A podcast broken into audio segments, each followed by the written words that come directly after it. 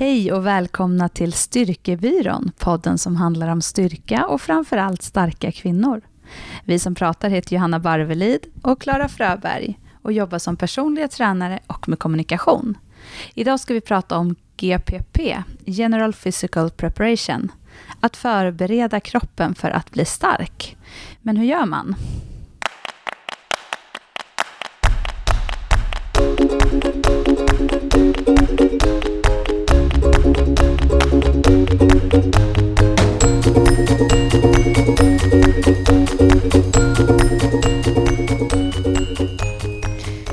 Pratar ju mycket om att lyfta tunga grejer i den här podden och om de tre stora lyften, bänk, mark och böj.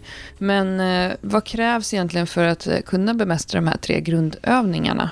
Eh, det räcker ju kanske inte alltid med att bara börja att böja, marka, bänka. Ibland så måste man förbereda kroppen för att klara av och för, framförallt för att kunna jobba med skivstången som redskap överhuvudtaget. Och eh, det finns ju en gubbe som är känd, eh, den mest kända som använder sig av begreppet GPP och det är Louis Simmons som driver Westside Barbell och som också står bakom den träningsmetod som heter The Conjugate System som handlar om att man tränar styrka, eh, muskeltillväxt, alltså bodybuilding och explosivitet samtidigt. Eh, men han tränar ju världens starkaste män Eh, och eh, för honom så handlar GPP om att vara kroppsligt förberedd på att lyfta astungt. Och med astungt då menar jag ju alltså att det är världens eh, starkaste personer som, som lyfter helt sjuka grejer. Och det, det är ju ingenting som, som vi kan jämföra oss med, eller som jag kan jämföra mig med i alla fall. Men för en övrig idrottare, alltså för en fotbollsspelare, hockeyspelare, pingisspelare, så innebär egentligen GPP att Eh, det är all träning som du gör som inte är eh, sportspecifik, som inte är din sport. Det vill säga det du gör i gymmet. För det handlar egentligen om att, att förbereda kroppen för att kunna göra det som du vill kunna göra med kroppen. Och vi som jobbar här på Styrkebyrån eh, som PTs, vi träffar ju många kvinnor och män som, eh, som vill bli starka. Men ibland så har man kanske inte förutsättningarna för att kunna dra igång direkt, utan man behöver skapa en mer hållfast kropp som vi ofta pratar om. Eh, och eh, med det så menar vi samma sak som GPP. Det är ju lite så vi tränar våra kunder, även om våra kunder inte är gubbar som bänkar 300 kilo. Eh, men det kan handla om att bygga upp kroppen och bli hållfast för att klara målet om att kunna göra fina och bra armhävningar till exempel. Ehm, vi brukar ju säga att det är dumt att belasta kroppen i en knäböj om du inte kan göra en knäböj på golvet hemma, alltså om du inte kan sitta på huk. Och, eh, du och jag Johanna, vi jobbar ju väldigt mycket så med våra PT-kunder, att vi börjar ifrån från grunden med de här grundrörelserna och många av våra PT-kunder vet ju inte om att det är så vi jobbar egentligen, att vi jobbar med GPP. Nej, precis. Det är ju ett uttryck som man kanske inte heller använder. Det är inte så att jag står och säger så här, nu så jobbar vi med general preparation, eller general physical preparations här. Men, eh, men det är ju också grunden till att inte skada sig, för att det är ju precis det som vi är väldigt noggranna med och, och det som vi trycker på hela tiden, att inte skada sig. Och det är ju det här som ligger bakom det. Och jag kan ju bli så här svettig när det kommer, när det kommer kunder till mig och även då mina befintliga som vet exakt vad de ska göra. Och sen så har de, kommer de och så har de lite ont någonstans och säger så här, vad har du gjort då? då? Äh, jag la på lite mer på marklyften än vad vi hade sagt. Jaha, varför gjorde du det? vi har inte kommit dit än, vi kommer komma dit, men för att komma dit så kommer du behöva göra vissa saker. Och det är det jag tror att eh, det blir ju det är ju väldigt mycket positivt med det här att lyfta tungt eh, och man får väldigt mycket endorfiner och man känner sig väldigt stark. Och, och som sagt, många av, av de vi jobbar med ju, upplever ju det som en stor skillnad överhuvudtaget i vardagen. Men just det här att bli lite för, vad ska man säga, hetsig eller att mm. känna att man vill fram så fort eh, gör ju då också att man bortser från de här eh, grund, eller de här principerna. Eller man säger. Precis, men det kan ju också vara så att, att vi tränar en löpare som behöver bli stark i löpspåret. Och det är ju den här skillnaden med att är du en elitidrottare så har du också en plan för hur du ska hantera dina skador. För är du en elitidrottare så kommer du få skador för att du du jobbar med träning. Men är du inte en elitidrottare och som de flesta som vi möter, eh, vardagsmotionärer och hobbymotionärer, då, då tycker jag att det är mycket smartare att kunna träna för att vara skadefri. Och då kanske det handlar om att att springa lite långsammare på milen men kanske ha lite mera muskler på kroppen. Och det är Ja. ju det som vi hjälper våra kunder med, att, att få de där musklerna på kroppen. Men framförallt så är det ju också det här att att eh, många vill kunna göra chins till exempel, men de orkar inte ens eh, hänga 30 sekunder i ett räcke. Och då behöver man bygga upp det, bygga upp den grunden i kroppen. Och har man den grunden i kroppen så, kan, så är det någonting som man hela tiden kan återkomma till sen. Eh, och ja, det är lite det vi ska snacka om idag. Ja, och sen tycker jag att det är, vi tycker ju om att jämföra oss med de bästa. Det har ju vi sagt också. Vilka är bäst på det här? Kolla på dem, hur gör de? Sen Mm. att, det, att man inte kommer vara någon som ligger och drar 250, eller lyfter, pressar 100, 250 kilo i bänkpress, det är väl en sak. Men det är ändå jäkligt coolt att kolla på hur, hur, hur, hur jobbar de och vad, hur tänker de kring träning? För de gör ju uppenbarligen någonting som är jäkligt bra. Precis, eller hur? Men Johanna, hur, eh, hur har du haft det senaste veckan? Sist vi pratade, vi, alltså, vi, vi sa det här lite innan, att vårt förra avsnitt, Bygg din mentala styrka, det är lite så här vårt mörka avsnitt. Mörka avsnitt. Ja, men nu känns det ljust igen. Då.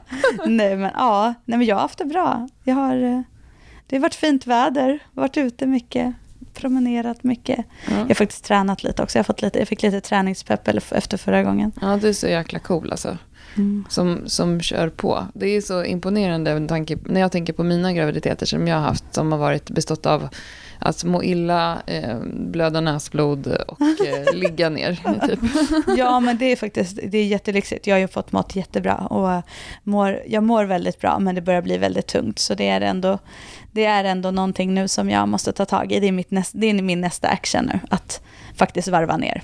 Ja, och det är ju det där som, som du ofta säger till dina kunder. Jag hör ju dig säga det i gymmet. Ja, Nu måste du börja tänka så själv att det är bättre att dra ner på, på liksom livet så att man orkar träna än att Ja. ha, ruscha på i livet och inte orka träna. För Ja, du, men det är ju faktiskt så. Det är lätt det är att din tänka. GPP, det är ju det. Jag vet. Du måste ju förbereda kroppen. Men det är så roligt när man, man är så klok mot andra. Det är det som är lite det här yrket. Ibland kan jag tänka så här, gud vad, tänk, undrar vart jag skulle vara om jag gjorde så som jag sa till alla mina kunder. Men skulle vara så jäkla fit. Det är det jag. Ja. Jag känner när jag träffar mina PT-kunder som också får mina träningsprogram och sådär. Så kommer de hit och är i helt galet bra form. Och så, så, och så låtsas jag att här, ja, men det var ju inräknat.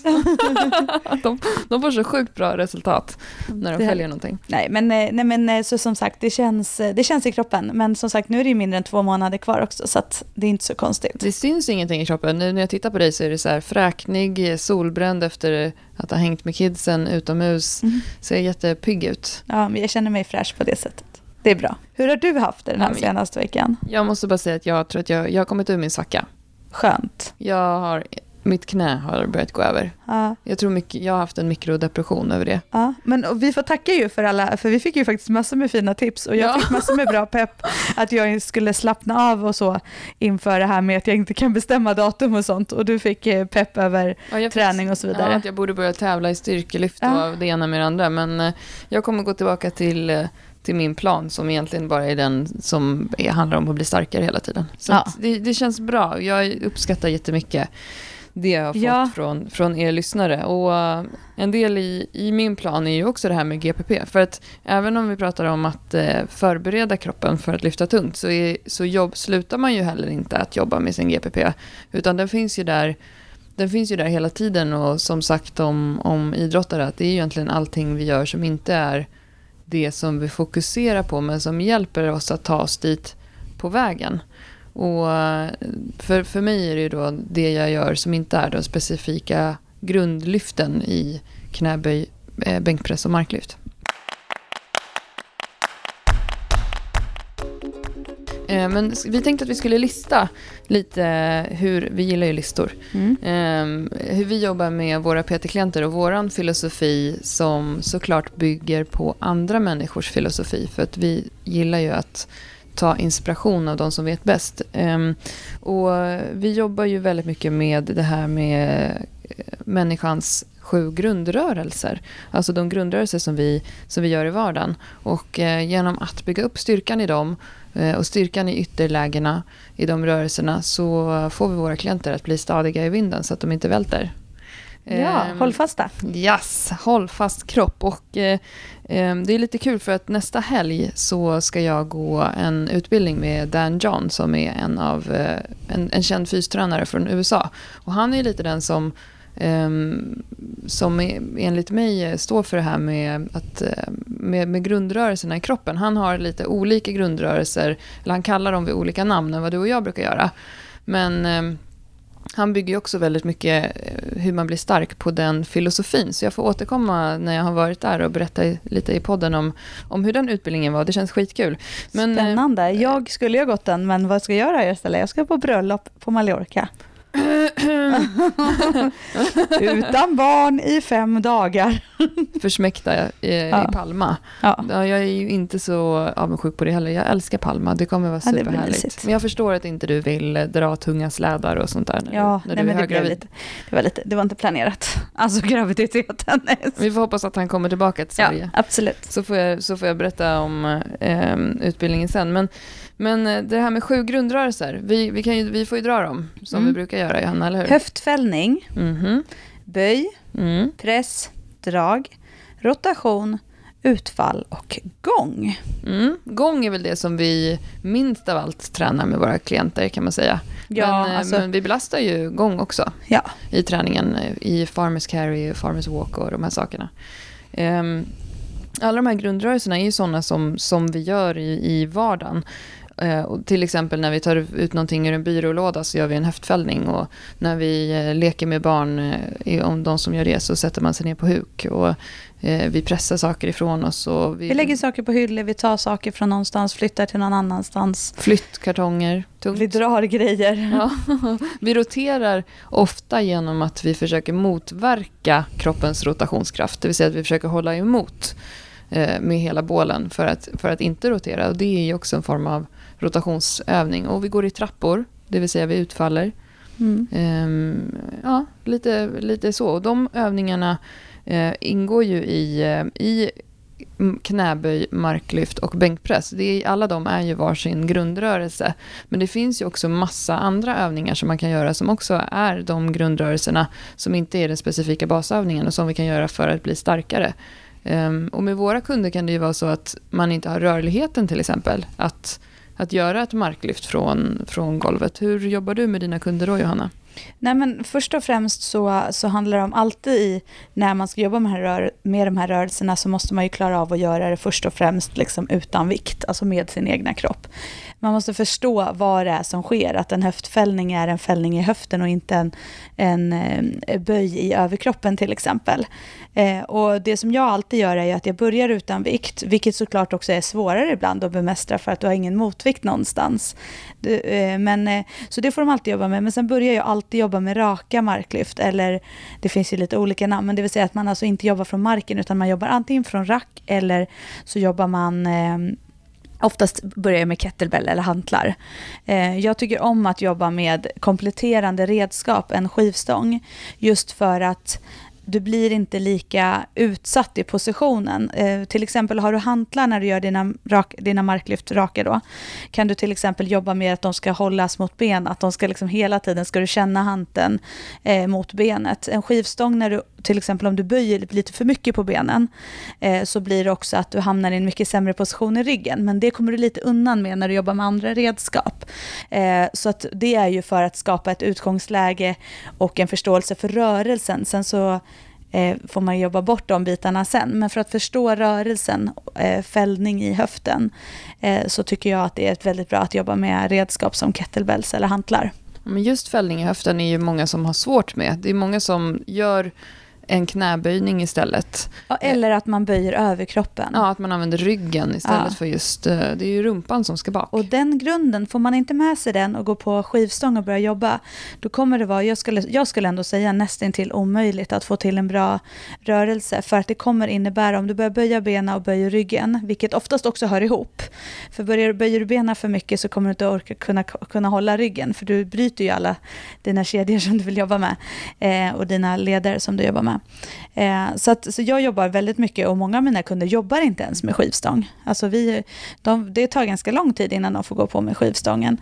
Men det är också så då att när de väl går på skivstång sen så har de en förståelse för rörelsen och då blir oftast den rörelsen lättare med skivstång eftersom dels att de förstår, eh, förstår rörelsen men också att det blir en annan typ av... Eh, att, alltså det blir ju ett lättare att till exempel få till aktivering med skulderbladen oftast i en skivstång.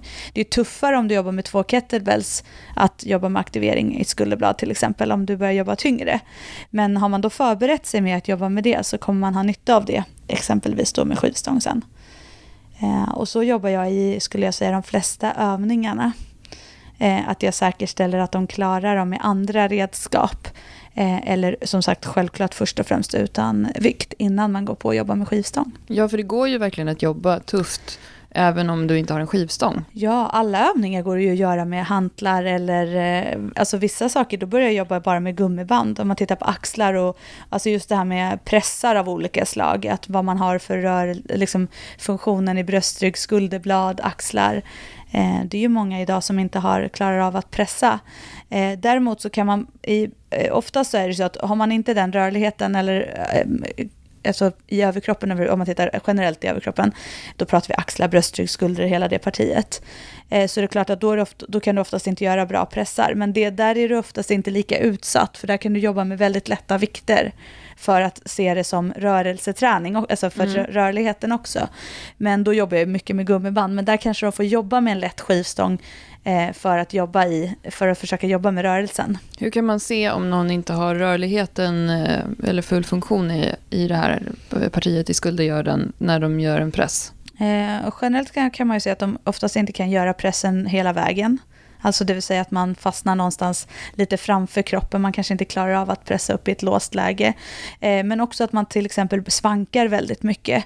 Att man tar ut rörelsen någon annanstans, för det är oftast det som sker och det är det som man måste vara lite uppmärksam på. Att det kan se ut för ett jag ska säga otränat öga, men kanske någon som inte är van att se det, så tycker man att det här ser jättebra ut och oj, du kan pressa 30 kilo eller vad det är.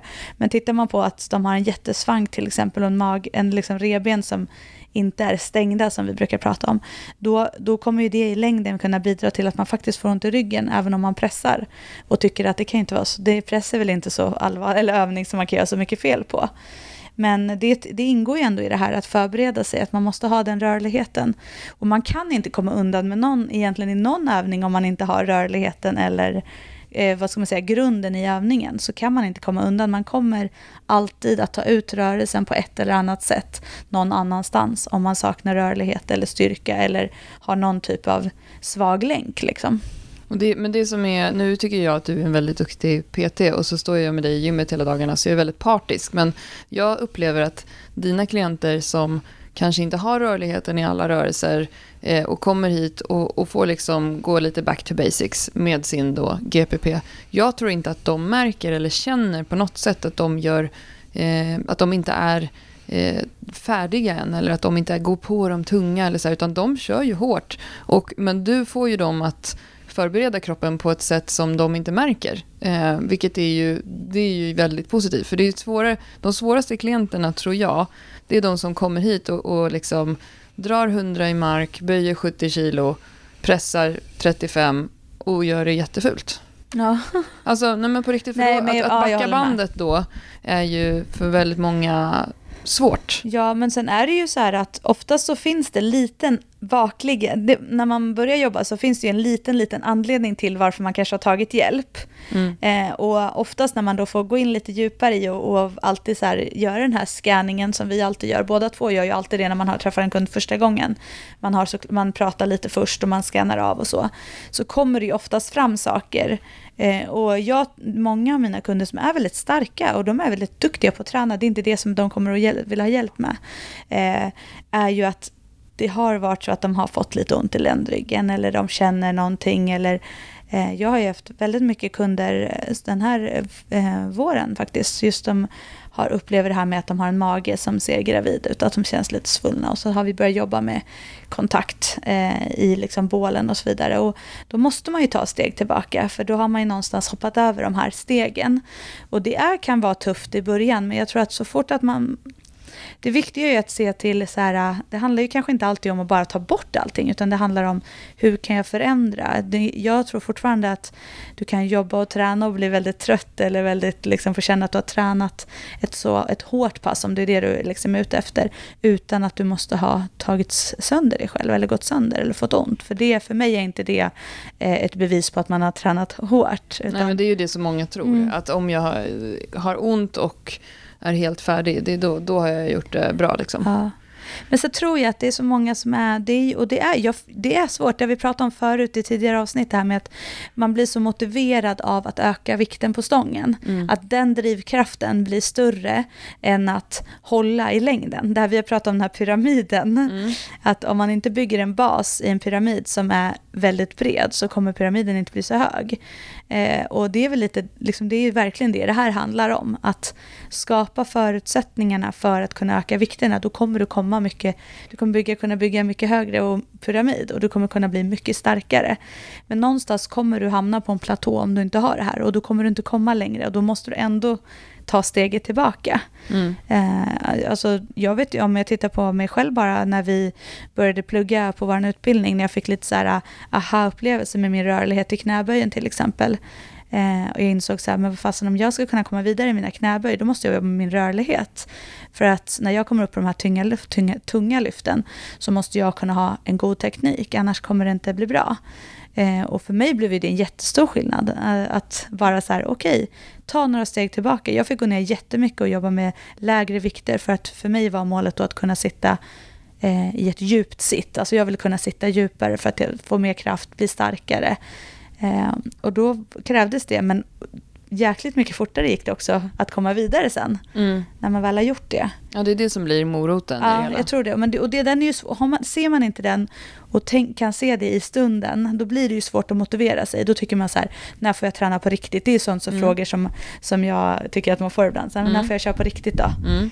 Hur länge ska jag behöva göra det här? Och när får jag träna på riktigt? Men Mm, ja, men då kan man ju oftast jobba omkring det genom att de kan göra till exempel knäböj mot en box ganska ja. tungt. För det kan de också ofta utföra lite mer korrekt. Ja. Men, men från andra sidan så, så ser jag ju aldrig dig, och jag skulle inte göra det heller i gymmet, med att eh, låta en klient stå på viktplattor för att man har dålig rörlighet eh, och sen lassa på det. Nej. Det blir ju lite som att eh, ta på sig deodorant istället för att duscha när man har svettats.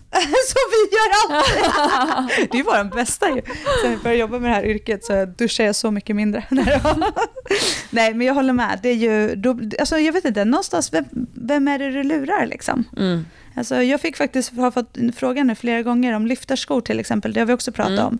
Att jag är helt där, absolut du kan använda lyftarskor när du ska göra tunga lyft om du tycker att det känns bra och stabilt. Mm. Men du ska inte göra det för att du inte klarar rörelse, rörelsemässigt. Utan använd i sånt fall skorna som ett komplement men inte för att du har, behöver det för rörligheten. Exakt, eller att du använder, nu är det, det är väldigt få kvinnor jag träffar som gör så, men att man använder ett ett bälte för att man har dålig bålstabilitet. Utan använd det i sånt fall för att du har bra stabilitet, men för att få en extra ett extra support. Lite extra mm. tryck. Mm. Ja, nej men, men just att se att alla de här övningarna, grundrörelserna, man kan göra dem på så många olika sätt. Det handlar inte om att stå med en skivstång för att de är godkända grundrörelser, utan man kan jobba med hantlar, man kan jobba med gummiband, mm. man kan jobba med sina, sin egna kropp. Eh, så jag tror att fokusera mer på att eh, skapa förutsättningarna eh, än att lasta på och köra bara med tunga skivstångsövningar. Och att komplettera med andra redskap är dessutom jättebra. Ja, precis. Så det är lite grunden i det hela. Och sen eh, om vi går in, om vi fortsätter med de här punkterna, så det som du har pratat om nu är ju nästa punkt och det är ju rörlighet. Och det har du i princip sammanfattat här innan med hur du jobbar med dina klienter. Och det handlar ju om att om du kan göra en rörelse bra, då eh, kan du också börja belasta den. Men det går inte att göra innan. Och rörlighet behöver inte bara vara... Det inte, handlar ju inte om stretching och sådana saker, utan det handlar ju om Eh, både att kunna vara flexibel men också att kunna utföra en korrekt rörelse. För ofta så vet våra klienter inte, som du säger, vad en höftfällning är. Man gör den med fel kroppsdel. ja, för jag tror att många när man väl får säga några korrigerande ord eller liksom förklara mm. så klarar ju många det. Jag tror att det handlar om att man inte riktigt vet vad innebär det. Mm, exakt. Och rörlighet kan också eh, handla om att kunna kontrollera. Alltså det handlar också om stabilitet. Det vill säga att kunna låsa ut den där pressen över huvudet på rätt ställe utan, och inte ta den vidare, så, som du sa Johanna, att man, att man börjar översvanka. Utan att man också kan kontrollera en rörelse även i ett ytterläge. Och det tycker jag är väldigt intressant eh, att kunna göra. Det, det, är ju på något sätt den ultimata styrkan, att kunna hålla ett ytterläge starkt. Eh, det är på något sätt slutpositionen, eller slutna cirkeln, ska jag säga, i vad rörlighet är. Så där, det gör ju vi mycket med våra klienter. Våra klienter gör ju i princip alltid några rörlighetsövningar när de börjar sitt pass som uppvärmning när vi tränar med dem. De vet oftast kanske inte om det. Eh, jag har en kund som säger så här, ja nu gör vi de här jobbiga, tråkiga grejerna som jag aldrig skulle göra själv. Men och det, de är, det, är, det är ett sätt att förbereda kroppen för det som komma skall i det enskilda passet. Mm. Det hör ju också till det här. Mm.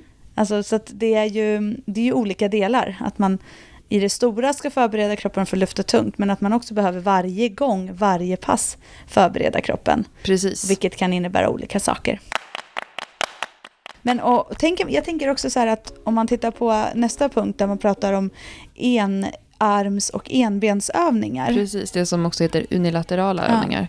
Det är också ett sätt att, att jobba på att bli starkare i tvåbens, I tvåbens, två, ja, precis. eller tvåarmsövningar. Två, ja, men precis. För att det blir också, ja, men precis. För att då jobbar du också med dina sidoskillnader. Mm. Eh, du kan inte heller, har du en sämre rörlighet på ena sidan så är det, ju det är jättemånga som får så här aha-upplevelser så fort man jobbar med, men gud, då var, vilken skillnad det är här och sånt. Och det kommer alltid vara skillnad. Det är extremt svårt att träna upp skulle jag säga, eller jag ska inte säga att det är omöjligt för det har jag inget belägg för, men det är ju svårt i och med att i vardagen så gör vi saker så galet mycket ensidigt. Ja, det är alltså, sant. Vi är ju så, vi funkar så. Vi... Tänk hur många gånger du öppnar dörren med ja. andra handen. Det gör du ju inte. Och så fort du tar någonting, eller som när man har barn, man bär barnen på ena sidan höften, alltså man gör allt. Väskan. Ja. Så, att, så man kommer alltid ha, och skulle man titta på alla människor så är de lite snea på insidan. Precis, men jag ska säga att det här med en, unilaterala övningar, ensidesövningar, att det är lite som två saker för mig. Att den första delen handlar om det du säger nu, att, att bygga upp eh, sidoskillnader. Eh, att kunna identifiera dem och att kunna hitta styrkan. Eh, och det andra är när man då har kommit en bit i sin träning, att man till exempel kanske eh, har hamnat i en platå med sina marklyft, att man då kanske ska börja titta på eh, hur kan jag avancera tekniken i marklyften? Kan jag till exempel jobba med enbensmarklyft? Eller att man jobbar med step-up eh, till knäböjen Um, step up tycker jag är en uh, kunglig övning till knäböj om man kan göra det korrekt, det vill säga att man gör det i en rörelse och inte fäller i höften i toppläget. Men uh, om, man titt, om man har en uh, så pass hög låda som man kliver upp på att knäleden och höftleden, att höftleden hamnar under knäleden när man kliver upp, då gör man ju djupa knäböj. Och vissa personer som inte då till exempel kan ha en belastning Eh, på ryggen när de, och göra knäböj av olika skäl, de kan ju kanske ibland göra step up istället. Ja, och så det är ett sätt att, att bli starkare i de andra övningarna. Exakt, så det är både, både för att utmana sin grund men också för att komma vidare. Ja, men det är ju jättemycket just step up för de som, eh, som har svårt att komma ner i knäböjen mm. rent rörelsemässigt för, och tycker att det är väldigt bra. Och då brukar jag variera med att ha en väldigt hög box, men kanske inte så mycket vikt. Och en lite lägre box där man då får ha vikt till exempel. Ja, och enbensknäböj. Mm. Jag, jag har en kund som har skolios. Ehm, och eh, kan inte, vi kan inte lägga en tung skivstång på hennes rygg, men hon kan göra jättetunga enbensknäböj till exempel. Och hon kan jobba tungt med step up. Och hon mm. kan jobba tungt med Bulgarian split squat, alltså enbensknäböj med bakre benet upphöjt. Då kan hon ha riktigt tunga hantlar eller kettlebells i händerna. Och på det sättet, ehm, jag kommer ihåg när du missuppfattade det när vi körde vårt förra träningsprogram och körde med samma vikt på step-upen som i knäböjen. Ja. jag bara skickade och bara, det här var det sjukaste jag gjort i hela mitt liv. Men, men man kan väl man konstatera att där, det här är ju ett tydligt tecken på att faktiskt man kan träna rätt hårt och tufft eh, utan att man kanske faktiskt klarar av att göra tunga knäböj. Mm. Att det handlar inte om att man måste kunna göra det för att bli starkare eller utveckla sig själv. Verkligen inte. Nästa, nästa punkt vi har är olika rörelseplan. Alltså egentligen, vi är ju väldigt mycket i det som kallas för sagittalplanet, eh, om man pratar mambo jumbo-språk, det vill säga framför kroppen. Och det kan ju vara både upp och ner, men också framåt. Vi Mm. jobbar i sagittalplanet, vi pratar i det, vi möts i det, vi bär i det. Eh, Och som PT så blir det lite uppgiften att jobba i de andra riktningarna. Det kan vara horisontalplanet, sidor, sidled, eh, eller transversalplanet, där vi jobbar eh, diagonalt med kroppen. Eh, och här, eh, jag vet inte Johanna, vad har du för favoriter här? Jag gillar ju bollar mycket. Ja, bollar överhuvudtaget. Sen jobbar jag mycket med sidoutfall. Mm. eh, också i olika slag. Eh, också som, och speciellt för mina löpare. Alltså jobbar väldigt mycket med utfall åt olika håll. Mm. Och eh, framförallt åt sidan också. Det är lätt att glömma bort det. Man tänker så mycket bakåt och framåt som du säger. Mm. För att det är så naturligt. Men eh, sidoutfall, bollkast av olika slag Mm. Det är väl egentligen det som jag främst kommer att tänka på när man pratar om, om olika plan. Ja, och det är ju så, för det är ju skivstången lite låst i. Att, eh, att du kan inte jobba eh, så mycket åt sidan med den och det är inte så rekommenderat heller. När man, eh, man ser ibland folk som snurrar runt med en skivstång på ryggen. Eh, Jag såg en kille en gång som använde skivstången som en slags spjut, kommer du ihåg det Anna? Ja. Och viftade runt med det. Han hade säkert ett syfte med det. Ja, det var jätte, jättekonstigt.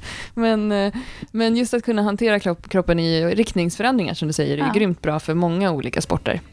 Ja, och det är ju inte bara löpare, men det är just att löpare är den stora kategorin som, som jag ändå träffar. Ja.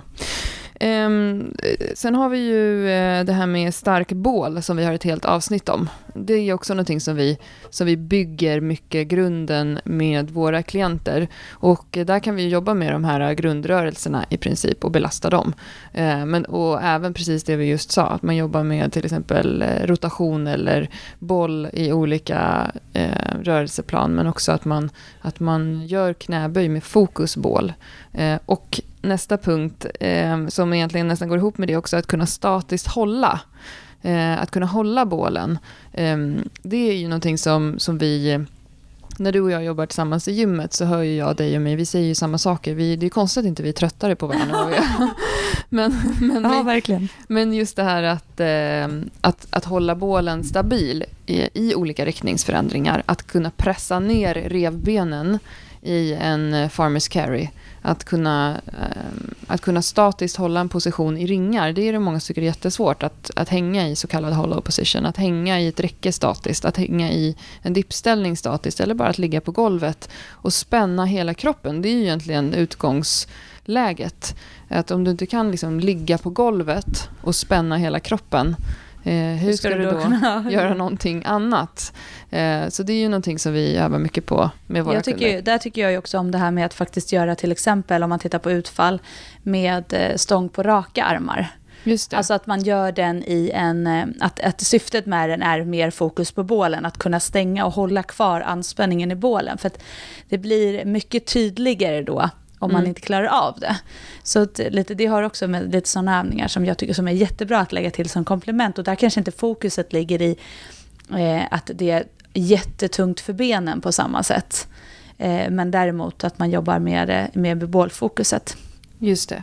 Nästa, nästa punkt som är eh, kondition. Ja. Eh, det finns ju, det är liksom så här som, ehm, jag pratade lite med min man om det igår, ehm, konditionsträning, för vi fick en fråga av en kompis om det rekommenderas att göra det i kombination med tunga lyft. Och det finns ju mycket forskning som visar att det faktiskt har en positiv effekt för tung styrka att ha en bra kondition. Och då, då sa min man så här, men det där har alltid varit så här styrkelyftarnas Eh, Eh, de är, det är ju bara för att de inte orkar träna kondition så säger de alltid att det inte behövs. Men det finns ju faktiskt då mm, en poäng med att kunna syresätta musklerna, att få ett starkt hjärta. Att du faktiskt kan också hålla igång ett arbetstempo. Eh, att du kanske kan göra dina pass lite snabbare, vilket också kommer ha en bättre effekt på kroppen. Så konditionsträning det är ju ingenting som vi är emot här på Styrkebyrån, utan vi jobbar ju också mycket med våra klienter med kondition. Och kanske Ja. att de får avsluta passet med kondition, för vi prioriterar ju ofta styrkan. Ja. Och det man prioriterar mest måste man ju göra först. Du får inte ut så mycket av din tunga styrketräning om du gör den efter eh, ett tufft konditionspass. Nej.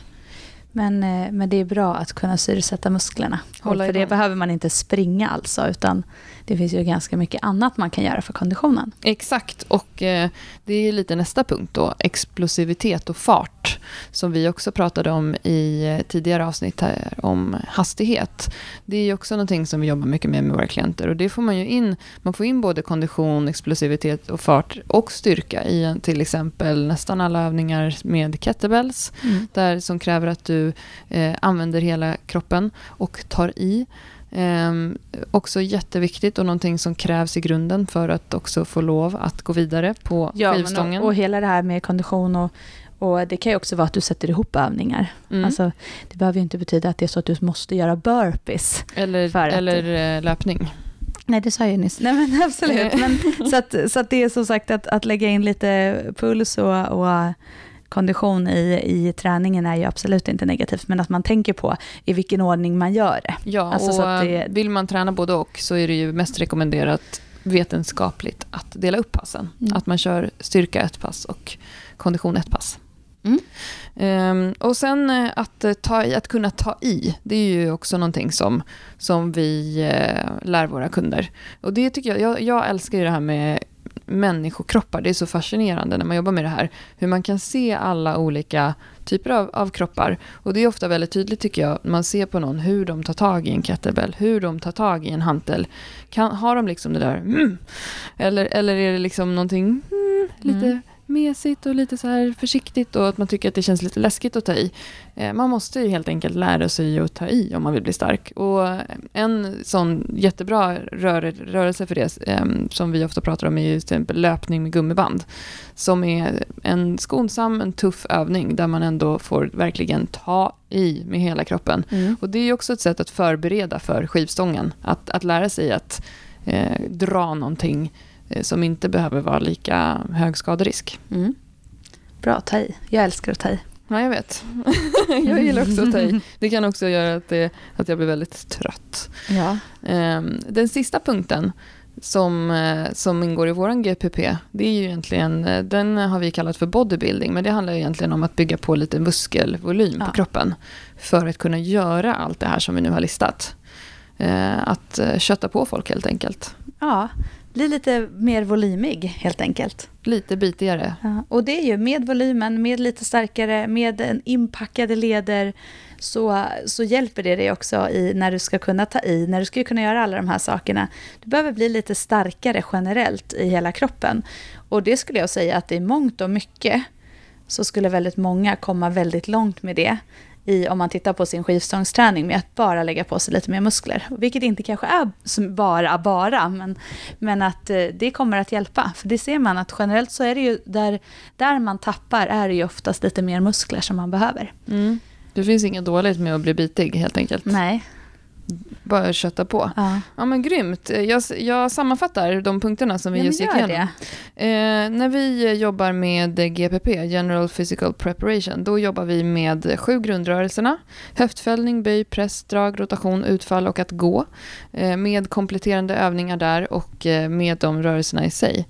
Eh, rörlighet. Bygg upp rörlighet och mobilitet så kommer du kunna belasta mer. Vi jobbar med unilaterala övningar, det vill säga enarmsövningar, enbensövningar, enöraövningar kanske, vet jag inte om någon kan.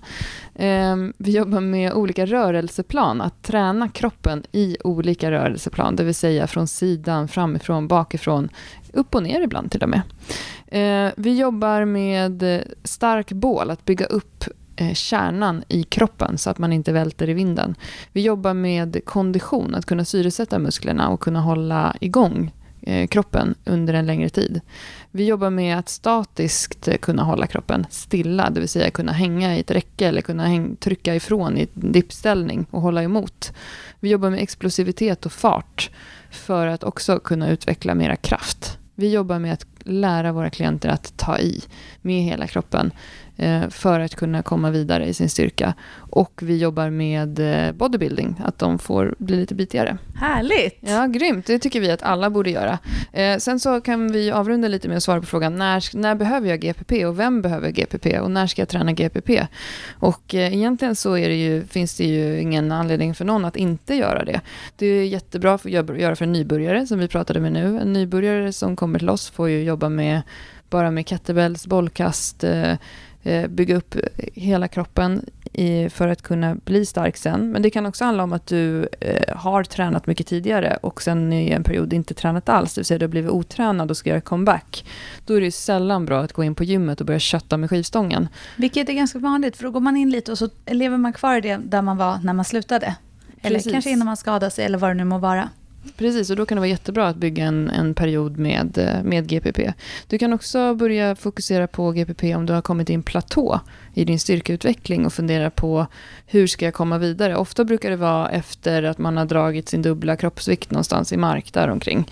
Att liksom hur, eh, nu känner jag att jag måste börja tänka nytt på något sätt och då kan man börja titta på alltså för en nybörjare för, som kör kanske de här programmen Starting Strength och det, så räcker det oftast med att bara göra basövningarna till exempel.